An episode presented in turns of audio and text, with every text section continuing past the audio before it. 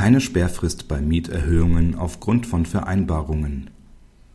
Die für Mieterhöhungen geltende Sperrfrist findet keine Anwendung, wenn insoweit eine Vereinbarung der Parteien vorliegt.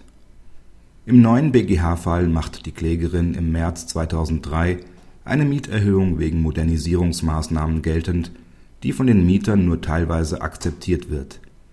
Im Mai des Folgejahres begehrt sie eine weitere Erhöhung und legt bei der Berechnung die von den Mietern anerkannten Beträge zugrunde. Die beklagten Mieter verweigern dazu die Zustimmung. Vor dem BGH hält diese Verweigerung nicht stand. Dieser bestätigt seine Rechtsprechung aus dem Jahre 2007. Die Frist des § 558 Absatz 1 Satz 2 BGB ist ohne Bedeutung.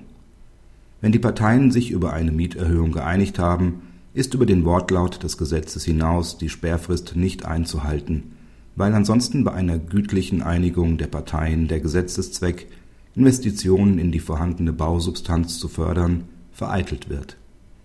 Praxishinweis Die Entscheidung betrifft dieselbe Wohnanlage wie im BGH-Fall NJW 2007, Seite 3122. Sie folgt auch der bereits zum Miethöheregelungsgesetz ergangenen Rechtsprechung des BGH